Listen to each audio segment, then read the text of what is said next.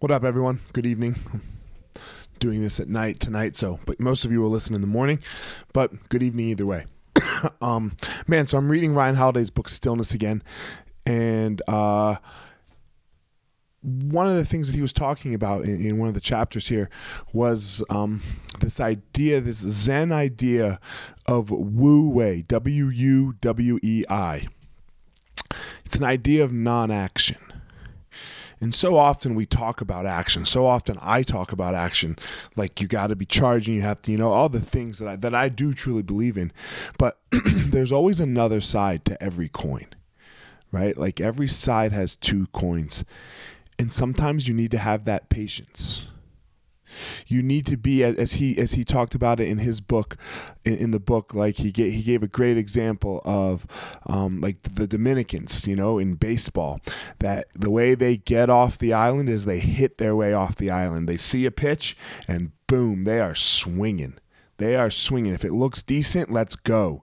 And the great ones the good the good ones get out. But then when they get to the pros they're so used to swinging at every pitch that they have to they have to learn this concept of wu wei, right? This concept of, of, of not swinging at every pitch that, that the pitcher throws.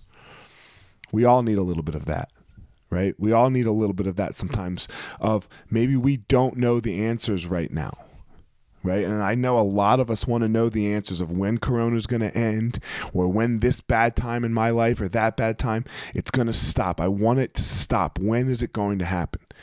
We have to be able to just sit in some non-action.